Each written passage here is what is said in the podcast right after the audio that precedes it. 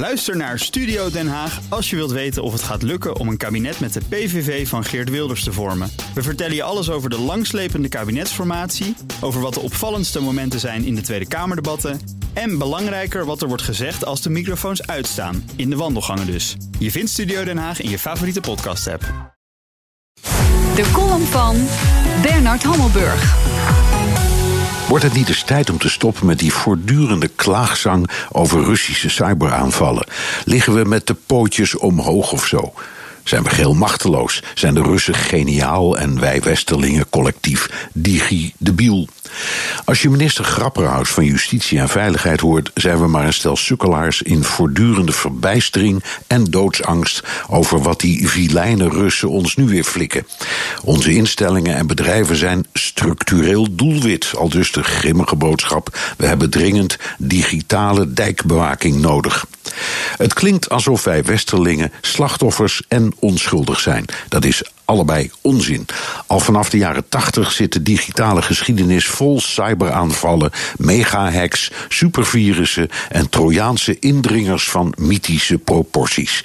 In 1982, nog in de Koude Oorlog, blies de CIA in Siberië een Sovjet-gaspijpleiding op door het besturingssysteem van de computer te ontregelen.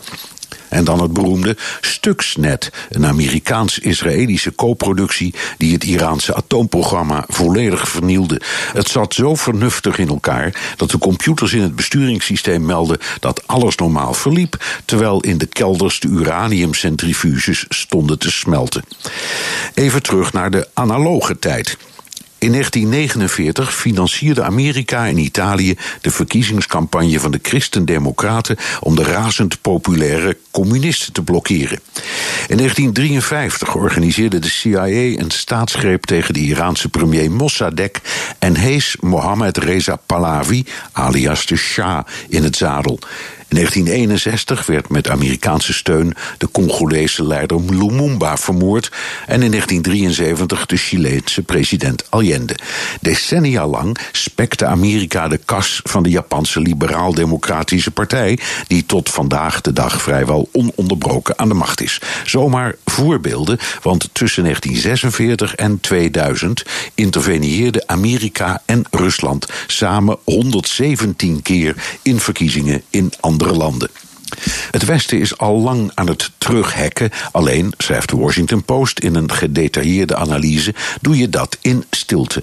We liggen ook nu niet met de pootjes omhoog. En we zijn geen onschuldige slachtoffers van die gemene Russen. We zijn, zogezegd, niet van de digitale straat.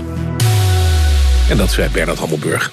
Buitenlandcommentator en op woensdag altijd onze columnist. En die komt die column, eh, zijn column terug lezen en luisteren op bnr.nl en in de BNR-app.